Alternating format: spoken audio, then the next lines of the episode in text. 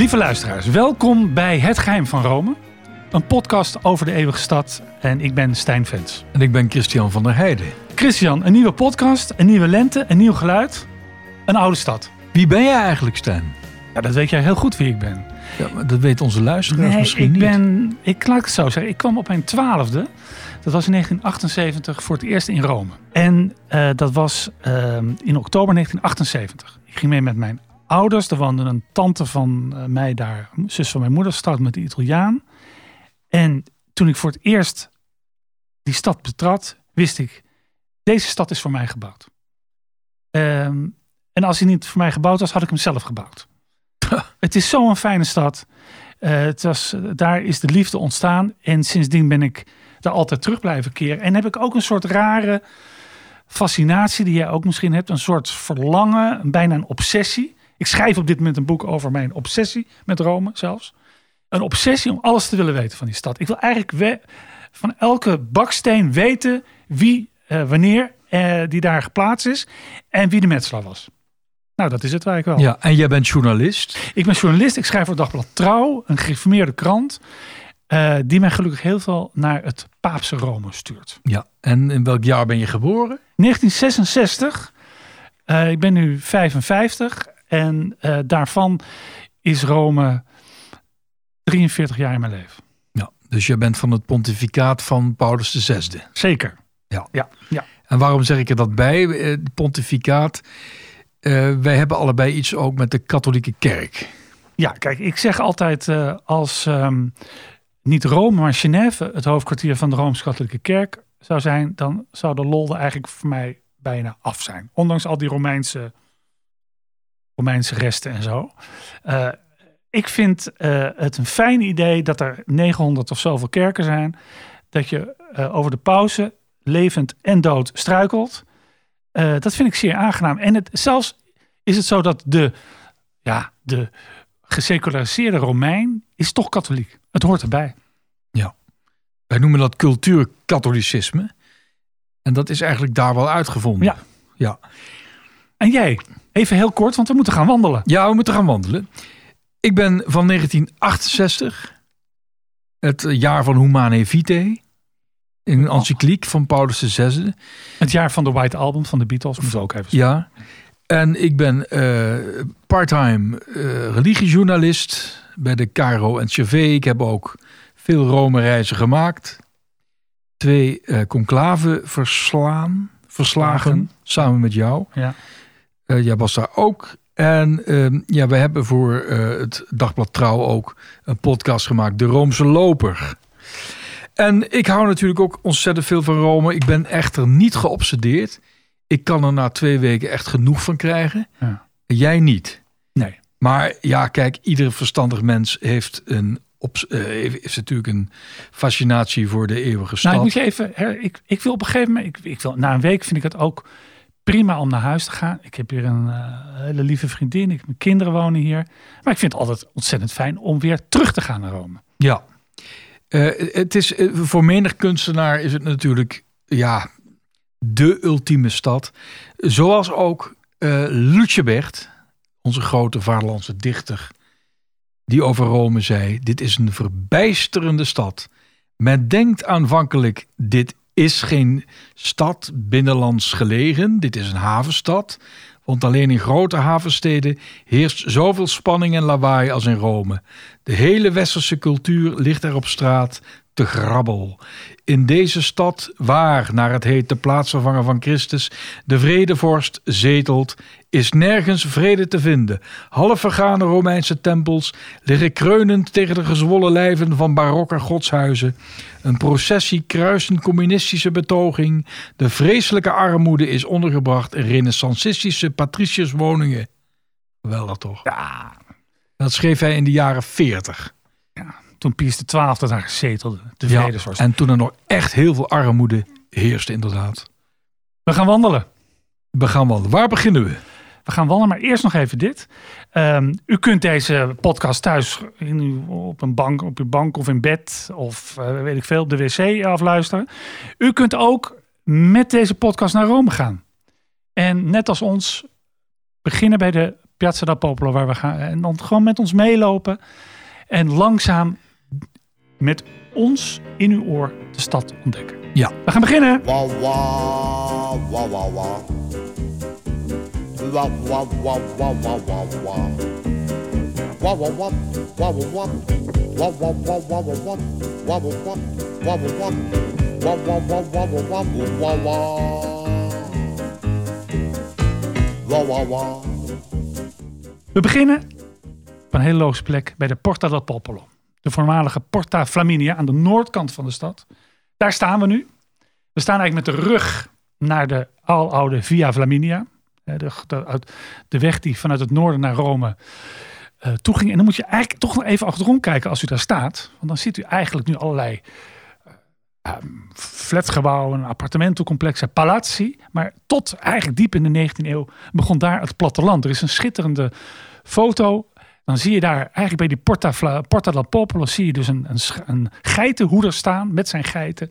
Daar begon het platteland. En daar kwam je na even, naar, naar, naar, naar maandenlange tocht soms met gevaren omkleed, kwam je daar de stad binnen. En dan, en dan ging je die poort tussendoor door en dan lag daar de Piazza del Popolo. De ontvangstzaal eigenlijk van Rome.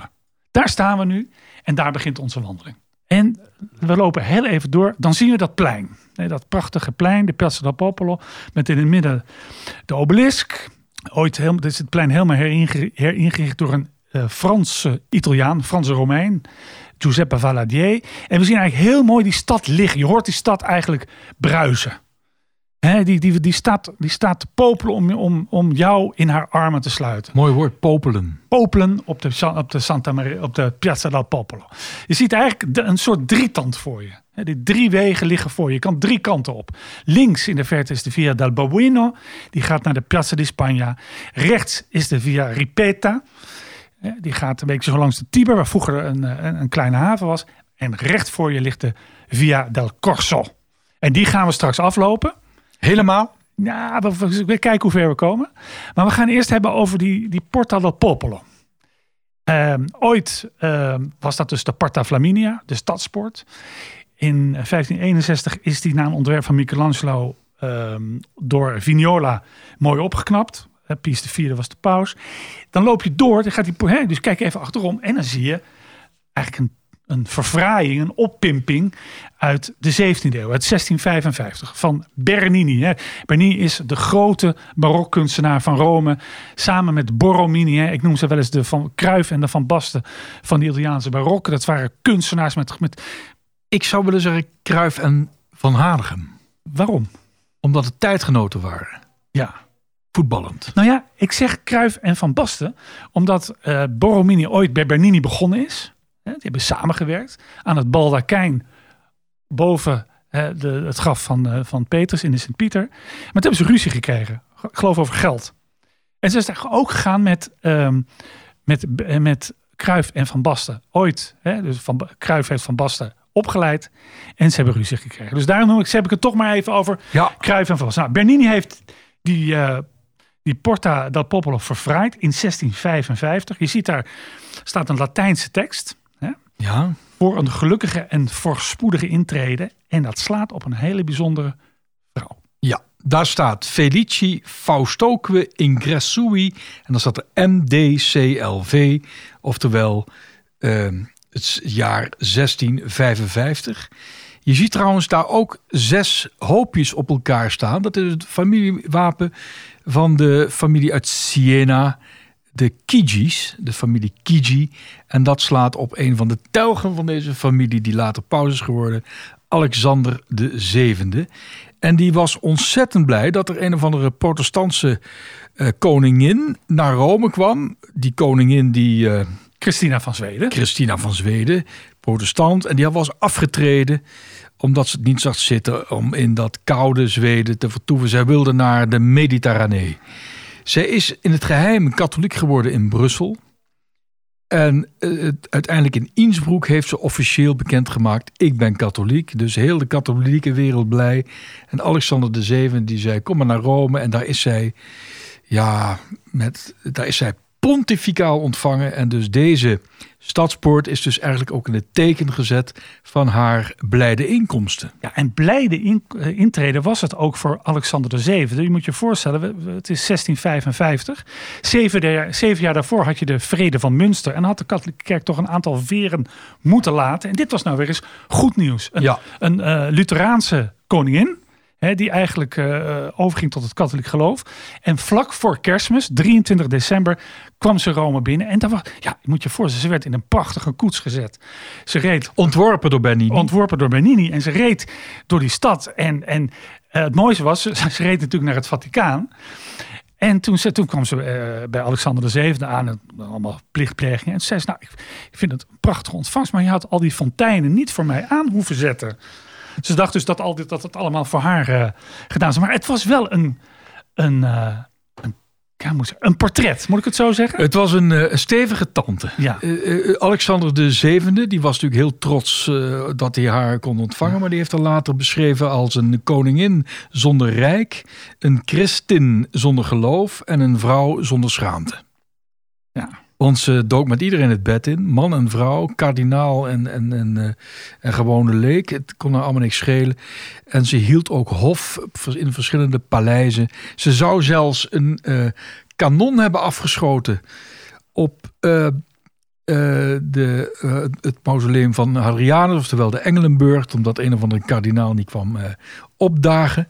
Die kanonskogel zou zijn ingeslagen in een of ander paleis, het, de Villa Medici. Al, afijn, dat is natuurlijk allemaal niet waar. Maar zoals ze in Rome zeggen, Se non è vero, è ben trovato. Als het niet waar is, dan is het goed gevonden. Zou je haar de Nikki Tutorial van de 17e eeuw kunnen noemen? nou, ze was in ieder geval, ehm, zou ze wel lid zijn van de regenbooggemeenschap. Ja. Dus ze was eigenlijk genderneutraal. De- En ze kon ook heel erg variëren. Dan weer had ze mannenkleren aan. Dan weer was ze helemaal vrouwelijk uitgedost. Eh, ja, ze was een fluïde eh, persoonlijkheid. Die eh, eigenlijk heel Rome gek maakte. Dus was zij nou katholiek geworden, echt katholiek geworden? Ja, men kon natuurlijk moeilijk zeggen, ze is nep-katholiek. Eh, want ja, dat zou natuurlijk helemaal een schande zijn. Ze is uiteindelijk ook begraven tussen allerlei pausen in de Vaticaanse grotten. Dus nou, dat zegt natuurlijk wel wat. Eh, dus eh, eh, Rome had het officiële standpunt: wij zijn trots met deze katholieke ex-koningin. Die nog is aangeboden om een keer koningin te worden van Napels, maar dat is uiteindelijk niet doorgegaan. Nou, daar, daar- we staan nog steeds eigenlijk, dus we hebben even omgedraaid naar die Porta del Popolo. En dan gaan we eigenlijk nu meteen naar links eh, de kerk in. De Santa Maria del Popolo. Of moeten we toch eerst even uitleggen, denk ik toch, waarom, waar die naam Piazza del Popolo vandaan komt. Ja, er hè? zijn verschillende theorieën over. Van ja, populi, populus. Slaat dat nou op volk? Of staat het nou op populus, populier? Daar zijn de geleerden het niet helemaal over eens. Nee, kijk, het is, eh, ik denk toch uiteindelijk dat de kerk, eh, die, dat heeft, er staat er al heel lang een kapel die toegewijd was aan Maria, die heeft misschien wel de naam aan het plein gegeven. Maar dat plein, daar is ook iets raars. Want er is een verhaal dat eh, als je even een stukje, als je een stukje doorloopt aan de linksheid, zie je die schitterende Pincho, die heuvel. Hè? Pincho, ja. Pincho, Dus ja. Niet een van de zeven heuvelen. Nee, nee, maar wel, Maar wel een heel belangrijke heuvel. Prachtig uitzicht en eh, heerlijk. En daar, het, het verhaal gaat dat aan de voet van de Pincho het graf was van Nero. De beruchte keizer, Christenvervolger. christenvervolger, de boel in brand gestoken. En, en, en, en, en natuurlijk, daar zou hij ook in de buurt het leven hebben gelaten. Er zou een walnootboom hebben gestaan. Daar waaronder zijn as, waar zijn as zou zijn verspreid. Het is allemaal Ja, dat was een of andere, eh, hoe zeg je dat, aardverschuiving. Daardoor zou zijn graf zijn bedekt met allemaal modder en zo. En ehm, omdat, ja, de legende gaat dat Nero een, een, zo, zulk een satanische persoon was... dat er allerlei demonen eh, vrij spel hadden. Ja, nou ja, en toen had. En, eh, en die zaten dan allemaal als kraaien, die demonen, in die, in die notenboom. ja, nou ja, ik heb dus een paus. Ja, Paschalis de tweede. hè? Ja. Eh, Als ik het? ooit paus word, Stijn, dan ga ik mij noemen Paschalis. Heel goed, mooie naam. Dan, hebben we het, dan zitten we in, in, in de late middeleeuwen. Zitten we. En die heeft gedacht, ja, ik wil van die Nero af. Van die demonen. Ja. Dus die boom moet weg en alles moet daar weg.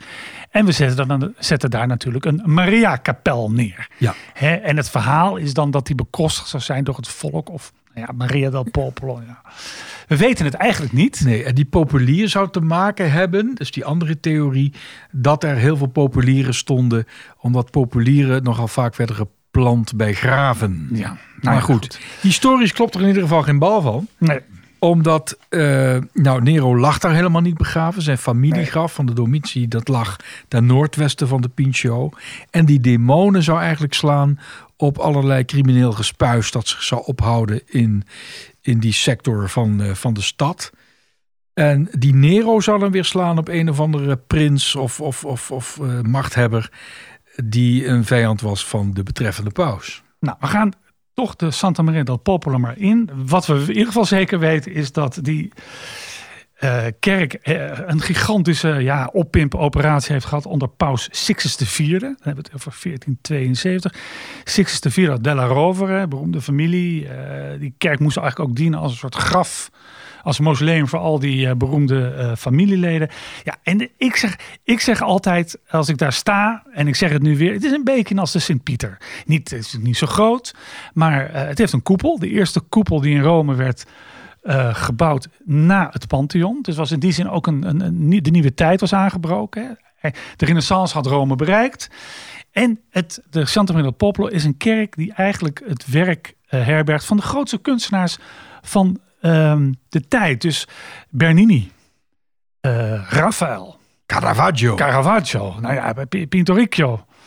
Ehm, dus dus het, is, het, is, het is verschrikkelijk. Dus we- eh, heel kort, ik ga, we gaan toch even naar binnen lopen. En er is nog iets anders. En daar moet ik toch ook even noemen. Ja, volgens mij komen we nooit op die Piazza Venezia. Waar we uiteindelijk naartoe willen. Luther is in Rome geweest. Maarten Luther, hè, de, de, de, de protestantse kerkhervormer.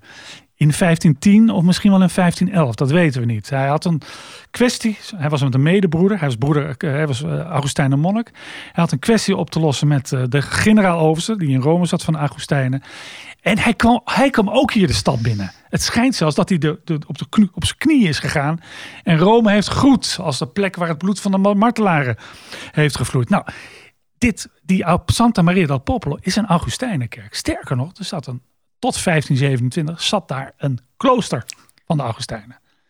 Eigenlijk een beetje van de, de, de, de lijn waarop, waarop, waarop Luther zat. Dus misschien, we denken dat Luther hier gelogeerd heeft.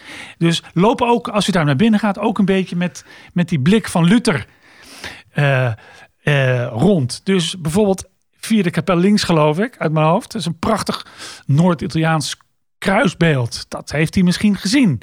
Het altaar waaraan uh, Luther de, de mis heeft opgedragen.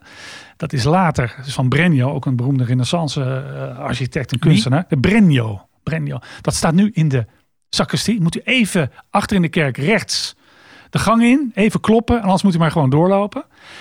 En ja, het is ook, uh, het is ook de kerk van, de, van het Bernini-mysterie. Het boek van Dan Brown. Hè, dat, Oh, dat, dat. ja, ja, dat, dat, uh, Moeten dat we boek, daar echt over aan hebben? Nou, wel aardig, want dat boek en die film gaat natuurlijk ook gaat over. Uh, speelt tijdens het conclave. Er worden een heleboel kardinalen vermoord. En de eerste moord vindt hier plaats. In de, ik geloof, de tweede kapel links, de Kichi-kapel. Kiji, die naam hebben we al gehoord. Hè, dat is dus die bankiersfamilie. Die hadden hier een prachtig, uh, prachtig uh, kapel. Uh, is ik- onder, onder meer het graf van. Het was een bankiersfamilie, dus Agostino Kichi, hè, de bankier van Rome.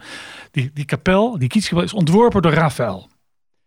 En eh, eh, dat is wel belangrijk om te zeggen, want dat Bernini-mysterie draait allemaal om plekken van Bernini. Nou, dus daar gaat Dan Brown al voor de eerste keer de, de vallen, want hij denkt dat dit een Bernini-kapel is. Ja, is ontworpen door Raphaël.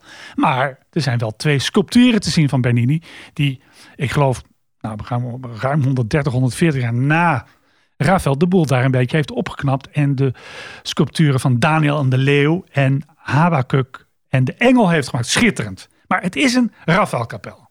Dus daar gaat Dan Brown al de fout in.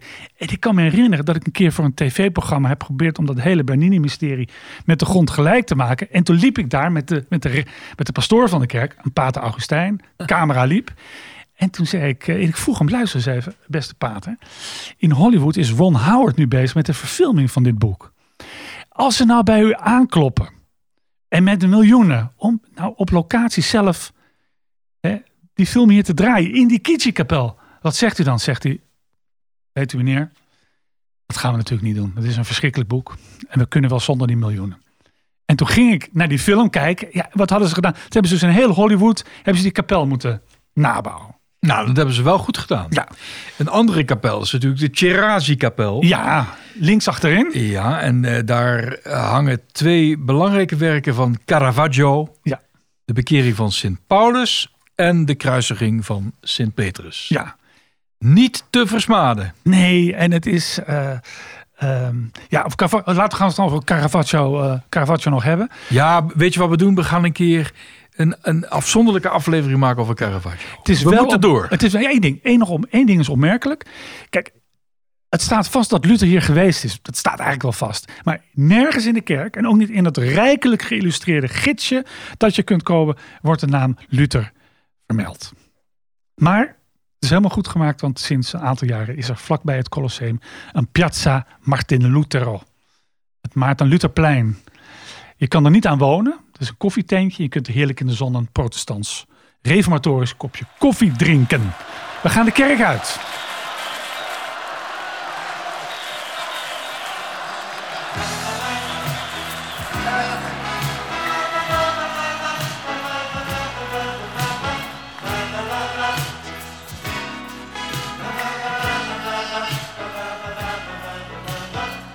En dan moeten we het toch even hebben over, eh, heel kort over die Pincho. Toch even. Dan kun je, als je het plein opgaat naar links, kun je die trappen op. Die moet je dat toch maar even doen. Dan sta je boven. Je Dat is een hele klim hoor. dat is een hele klim. Er staat een schitterend eh, uitzicht. ehm oh, heb een schitterend uitzicht over Rome. De Piazza del Popolo heeft voor mij ook langzamerhand ste- ook een beetje dubbel, roept een dubbel gevoel op. Het was vroeger al de plek van het carnaval. Maar ook van executie. Er werden, er werden echt eh, mensen een kopje kleiner gemaakt. En tegenwoordig zijn alle anti-corona demonstraties, anti-vaccinatie, zijn op de Piazza del Popolo. Ik was, ik geloof deze zomer met mijn kinderen daar op de Piazza del Popolo. En toen kwamen we ook midden in, in zo'n wappie-demonstratie. De geest van Nero. De geest van Nero waait dan nog rond. Als je dan toch die klim maakt, kijk even uit over de stad. Misschien staat die draaimolen nog achter. Vind ik altijd zo mooi, een draaimolen. En in dat park, moet het wel even hebben, staan eh, heel veel standbeelden. 225. Ja, en twee dus, een aantal, meeste zijn borstbeelden, andere zijn echte standbeelden. En dat zijn dus de allerlei eh, figuren uit de Italiaanse cultuurgeschiedenis. Eh, gestart in 1849, belang- belangrijk jaartal in de geschiedenis van Rome. Want was er kortstondig een soort, eh, ja, soort eh, revolutionair eh, oproer aan de Romeinse Republiek. Dus eh, toen is die operatie met die Italiaanse cultuurgoden gestart. Maar twee jaar later was de paus weer in het, in het, eh, in het zadel, legde in het zadel. En toen moesten dus, plotseling moest die rij mensen worden afgemaakt. Maar toen moesten ze dus van allerlei, eh, ja, mensen met in katholieke ogen discu- discutabele reputatie moesten worden omgeturnd. Dus Savonarola, de beroemde prediker, hè, dat, eh, die, werd, eh, die werd geloof ik een Italiaanse graaf. Dus, en er is één vrouw. Savonarola werd trouwens Guido d'Arezzo. Dat is één. Dus, dus onder al die mannen. Guido d'Arezzo. Ja, Guido d'Arezzo. Ja. Want Guido d'Arezzo kennen we ook als de monnik die het notenschrift heeft uitgevonden. Nou ja, die, die, daar kan je weinig tegen hebben. Toch? Maar goed, ehm, die ene vrouw, Colomba, Porci Antonietti. dat is Colomba Porciatonetti. En dat is ehm, wel een mooi type. Die eh, wilde eigenlijk meevechten. Maar de vrouwen vochten niet. Dus ze heeft haar haar laten afknippen. Een soort Christina van Zweden eigenlijk. Eh après la lettre. En eh, heeft meegevochten in 1849. Toen de Romeinse Republiek bevochten werd. Niet alleen tegen de paus, maar ook tegen de Fransen. Eh, die Fransen die steunden de, de pauselijke troepen toen de tijd. En helaas, eh, ze heeft meegevochten. Haar afgeknipt, maar is op de Gianicolo getroffen door een Franse kogel. Ja. Maar Trouwens, als u... dat, trouwens, dat hele gebied Ja. is eigenlijk Frans. Ja, want het heette daar ook niet van niks eh, het, het, het, het, het, Napoleonplein. Ja. En ehm, de Académie Française zit daar ook, in de oude Ja. Villa Medici. Tot helemaal aan de grote kerk, eh, helemaal boven bij de Spaanse trappen. Van de Trinita. Van de Trinita. ja, dat is Ja. ook altijd door een Franse religieuze gemeenschap bezet. Nou, als u nu boven op die eh, Pincho staat, dan geef u even de tijd om weer af te dalen naar de Ja, we moeten we moeten door, want we moeten door beneden. En misschien, want we hebben al, ik weet niet, al een half uur tegen u aangekletst, is het even tijd voor een kopje koffie. En dat kun je het beste doen eh, links bij Canova. Ehm, re- reken wel, als je, het is goedkoopst aan de bar. Dus als je gewoon een espresso wil drinken aan de bar, dan betaal je 1,20 denk ik. Het is wat omhoog gegaan hè, sinds eh, corona. Eh, maar als je gaat zitten, betaal je dus eigenlijk het dubbele of soms het driedubbele. Het is wel aan te bevelen, want je zit daar. Ja, het, het, is, het, eh, het is de ontvangstkamer van Rome. Er komt van alles langs. Eh, wat heel raar is, ik kan me voorstellen dat u inmiddels ook even naar de wc moet. Dat kan daar ook. Dan ga je langs de foto's van de Italiaanse filmster en Fellini, Federico Fellini, de beroemde filmregisseur die eh, even verderop woonde en altijd ging roddelen met de, met de Romeinse taxichauffeurs die hun witte auto's parkeren voor Canova. Dus u gaat langs het portret van Fellini naar de wc. U heeft inmiddels al heel veel geld betaald voor een simpele espresso. En dan moet je nog 50 cent afrekenen om daar je behoefte te doen. Ik zeg het maar even. Maar ga even rustig zitten. Draaien wij even een muziekje. Senza te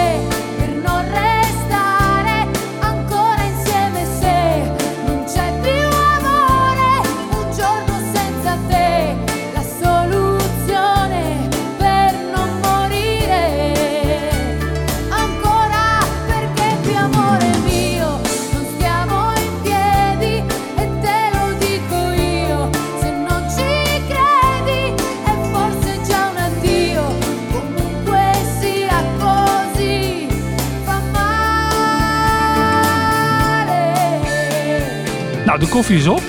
We staan weer rustig op. Ehm, even Canova, moeten we even iets over zeggen, denk ik. Hè? Canova. Ja, Canova, Antonio Canova. eh, geweldige beeldhouwer. eh, die in Rome ook een atelier had. En dat atelier kunt u bezoeken in de eh, Via del Babino. En dat is nu een café en een restaurant. En dat ligt dus eigenlijk, het, eh, dat is de eerste tand van de drietand. Ja, Dus eigenlijk links. Links. ja, links. Dus als je op de Piazza del Popolo staat, links. Eh, de, die wordt gezien als eh, een vertegenwoordiger van het klassicisme. Gestorven in Venetië in 1822. Canova. Als je nog puff hebt, dan ga je linea recta naar de Galleria Borghese in, de, in, in het park, in de Villa Borghese. En dan ga je kijken naar de Paulina Bonaparte, de zus van. N- de- Nou. de, eh, Napoleon I, de Ja. keizer der Fransen. Ja. En dat was toen, toen dat beeld gemaakt was, was dat al een attractie in Rome. Ja, maar dat was, dat was een prachtig mooie vrouw. Corsicaanse schone. Die, eh, ja, die een beetje, beetje beeldhouder moest haar wel gehad hebben. Dat is eh, in de MeToo-tijdperken gevaarlijk. En, hij, en zij is ook, zij is ook getrouwd met een, met een telg van de Borgheses. Hè? Vandaar dat. Ja. Oké. nou, we, gaan- we, we, we gaan verder. Ehm, we lopen eigenlijk, we willen de Corso eigenlijk in. Nou, de Corso, de, De Corso, de Via del Corso, zo ik noemde, noemen het de Corso. Maar dan moeten we toch even zeggen waarom dat die Via del Corso zo heet. Ja. Want dat heeft ook te maken met eh, de Piazza del Popolo. Ja. Want nou, vroeger was het natuurlijk de Via Flaminia. Die liep door. die liep door. Die liep door. Ja. Dat werd op een gegeven moment later de Via Lata. Lata, De brede- Het, is eigenlijk, het is eigenlijk voor Romeinse De, ook een, de Broadway, hè? de Broadway. of zoals wij in. Amsterdam zeggen, Breestraat. Ja, dus omdat het een voor Romeinse begrippen een vrij, toen al een vrij brede straat was. Maar op een gegeven moment is die Via Lata het toneel geworden van het Romeinse carnaval. Ja, dus in de 15e eeuw is daar eh, de beroemde eh, race gestart. Eh, een race in het, dat kennen we allemaal in Siena, is Palio. Maar in Rome is dat La Corsa. De La Corsa dei Barberi. En wat is een Barbaro? Een Barbaro is een Berbers paard. Oftewel een racepaard. En eh, dat, was een, dat ging er behoorlijk barbaars aan toe. Want deze paarden hadden geen jockeys. Daar zat niemand op. Die eh, werden zo ontzettend opgefokt. Eh, hun testicles werden behoorlijk geprikkeld. Eh, daar ging van alles in die anus om die, die paarden maar zo, zo wild mogelijk te maken. En dan werden ze losgelaten. En dan de finish was bij de Piazza Venezia. Wat ook, trouwens ook het eh, einddoel is van deze aflevering van de, van de podcast. Die we denk ik wel in tweeën gaan knippen. Misschien wel in drieën. In ieder geval, deze race was, was zoiets spectaculairs... dat eigenlijk met carnaval stond Rome in het teken van deze Corsa. Ja. Gek genoeg heet, eh, heet het dus niet, niet de Via della Corsa... maar de Via del Corso. Ja. En ik ben er eigenlijk niet helemaal over uit... waarom is dat nou mannelijk Nee, geworden? dat ben ik ook niet. Dat komen we nog Misschien dat het te maken heeft met Umberto I, die ehm, de, een koning van Italië die overhoop geschoten is. En toen heette de, de Corso Umberto Uno. Misschien dat daarom, je kunt niet zeggen Corsa Umberta, weet ik veel. Maar dan zitten we al aan het eind van de 19e, begin van de 20e. Ja, ja, ja, maar- eind 19e eeuw. Hè? Kijk, maar dat vind ik zo mooi van Rome. Je kunt eigenlijk niet chronologisch starten. Want Nee. overal, je kijkt Nee. eigenlijk altijd... Je ziet eigenlijk de hele geschiedenis nou vaak in één oogopslag. Ja. En het is eigenlijk work in progress. Ja, Eigenlijk nog steeds gaat dat door. het gaat door. Nou, we lopen dus eh, richting de Via del Corso. En dan, ja, die heeft u al gezien natuurlijk. En anders ga ik ze nu voor u beschrijven. Ja, die tweelingkerken daar eigenlijk op de kop van de Corso eigenlijk. Ja. Links en rechts. Ehm, dat is natuurlijk ook niet voor niets. Want ja, eigenlijk zou je weer een stukje naar achter moeten lopen. Om dat geweldige effect te zien van die, die drietand en dan die twee, tweelingker, die twee tweelingkerken. Op de kop. Zo mooi. En- Echt een, het, van een verheven schoonheid. Ja, nou, dat hebben we ook weer te danken aan Bernini en een andere grote heer, eh, Carlo Fontana. Links, belangrijk, Santa Maria Montesanto. En rechts Santa Maria dei Miracoli.